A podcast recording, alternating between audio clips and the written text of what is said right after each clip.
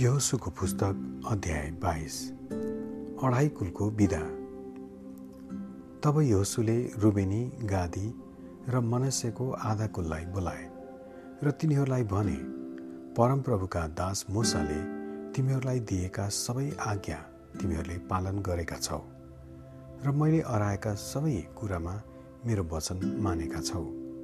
धेरै समयदेखि तिमीहरूले आजसम्म आफ्ना दाजुभाइहरूलाई छोडेका छैनौ। तर परमप्रभु आफ्ना परमेश्वरले दिनुभएको काम पुरा गरेका छौ। अब परमप्रभु तिमीहरूका परमेश्वरले भन्नुभए बमोजिम तिम्रा दाजुभाइहरूलाई विश्राम दिनुभएको छ। यसकारण अब तिमीहरू फर्केर परमप्रभुका दास मोसाले एर्दन पारी। तिमीहरूका अधिकारको निम्ति तिमीहरूलाई दिएका देशमा आआफ्ना डेरामा जाओ।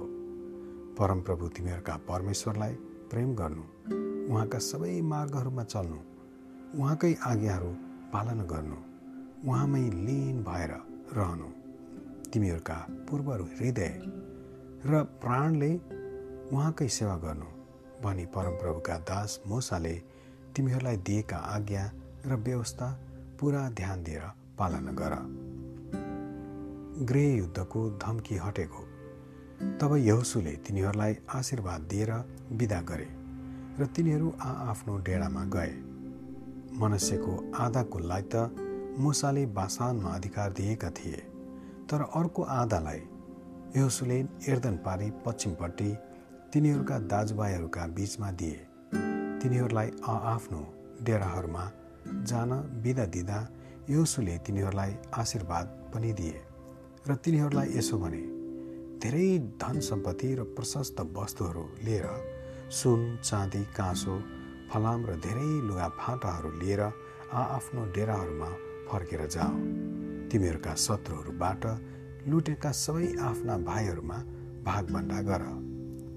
तब रुबेनी गादी र मनुष्यको आधा कुल परमप्रभुको आज्ञा मुताबिक मोसद्वारा तिनीहरूले पाएका अधिकारको देश गिलातमा जानलाई इजरायलीहरूसँग विदा भएर कनान देशको सिलोबाट फर्के।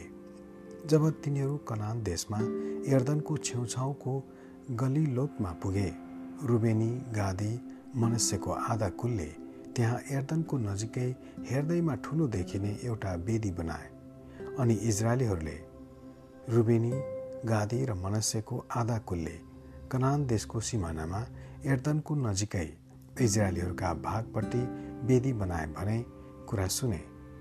तब उनीहरूका विरुद्धमा लडाइँ गर्नलाई इजरायलका सारा समुदाय सिलोमा जम्मा भए। तब इजरायलीहरूले गिलातको देशमा रुबेनी गादी र मनस्यको आधा कुलद्वारा पुजारी एलाजारका छोरा पिन्साहलाई पठाए र तिनको साथमा इजरायलका मुख्य मानिसहरूमध्ये दसजना मानिसलाई हरेक कुलबाट एक एक गरेर पठाए। तिनीहरू इजरायलका वंशहरूमा एक एक परिवारका मुखिया थिए अनि तिनीहरू रुबेनी गादी र मनुष्यको आधा कुलबाट गिलाद देशमा गएर उनीहरूलाई यसो भने परमप्रभुको सारा समुदाय यसो भन्दछ। तिमीहरूले इजरायलका परमेश्वरको विरुद्धमा कसरी यस्तो विश्वासघात गरेका छौ? तिमीहरूले अहिले कसरी परमप्रभुको विरुद्धमा बाघी बनेर उहाँको अनुसरण गर्न छोडेर आफ्ना निम्ति वेदी बनाएका छौ। के पोहोरको अधर्मले हामीलाई पुगेन र त्यसबाट परमप्रभुको समुदायमा महामारी आइलागे तापनि हामीले आजसम्म आफूलाई त्यस अधर्मबाट शुद्ध पार्न सकेका छैनौँ। कि आज फेरि तिमीहरू परमप्रभुदेखि टाढा जाँदछौ? आज तिमीहरू परमप्रभुको विरुद्धमा बाघी भयो भने भोलि इजरायलको सारा समुदायसित उहाँ रिसाउनुहुनेछ। तर यदि तिमीहरूले अधिकार गरेको देश अशुद्ध छ भने परमप्रभुको देशमा जा जहाँ परमप्रभुको पवित्र वासस्थान छ त्यहाँ जाओ र हाम्रो देशको साझा अधिकार गर। तर परमप्रभु हाम्रा परमेश्वरको वेदी छोडेर तिमीहरूका निम्ति अर्को वेदी बनाएर परमप्रभुको विरुद्ध बाघी नहो। जे रहको छोरा अकानले अर्पण गरिएका मालका अपराध गरेको थिएन अनि क्रोध इजरायलको सारा समुदायमाथि परेको थियो। त्यो मानिस मात्र आफ्नो अपराधको कारणले मरेको थिएन। तर रुबेनी गादी र मनस्यको आधा कुलले इजरायलका वंशहरूका कुल नायकहरूलाई भने सर्वशक्तिमान परमेश्वर। हो परमप्रभु सर्वशक्तिमान परमेश्वर उहाँ नै जान्नुहुन्छ र इजरायलले जानुन्। यदि हामीले बाघी भएर परमप्रभुको विरुद्धमा अपराध गरेका रहेछौँ भने आज हामीलाई जीवित नराख। परमप्रभुलाई पछ्याउन छोडेर हामीले आफ्ना निम्ति वेदी बनाएका रहेछौँ अथवा त्यसमा होम बलि वा अन्न बलि अथवा मेल बलि चढाउन बनाएका रहेछौँ भने परमप्रभु आफैले त्यसको लेखा लिउन्।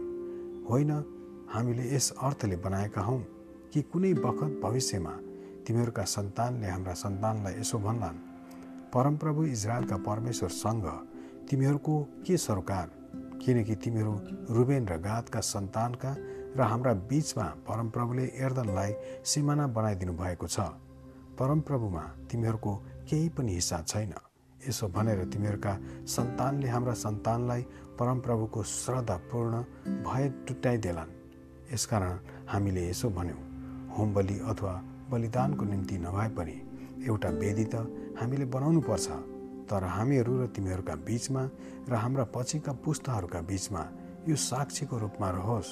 कि हामीहरूले होम बलि बलिदान र मेलबलि लिएर परमप्रभुको सेवा उहाँको सम्मुखै गर्नेछौँ अनि तिनीहरूका सन्तानले हाम्रा सन्तानलाई भविष्यमा परमप्रभुमा तिमीहरूको हिस्सा केही छैन भनी भन्न नपाउन् अनि हामीले विचार गऱ्यौँ कि यदि तिनीहरूले हामीलाई वा हाम्रा सन्तानलाई भविष्यमा त्यसो भनिदिलामा हामी भन्नेछौँ हेर परमप्रभुका वेदीको प्रतिरूप जो हाम्रा पिता पुर्खाहरूले होम बलि वा बलिदानको निम्ति होइन तर हाम्रा र तिमीहरूका बिचमा साक्षीको रूपमा बनाए।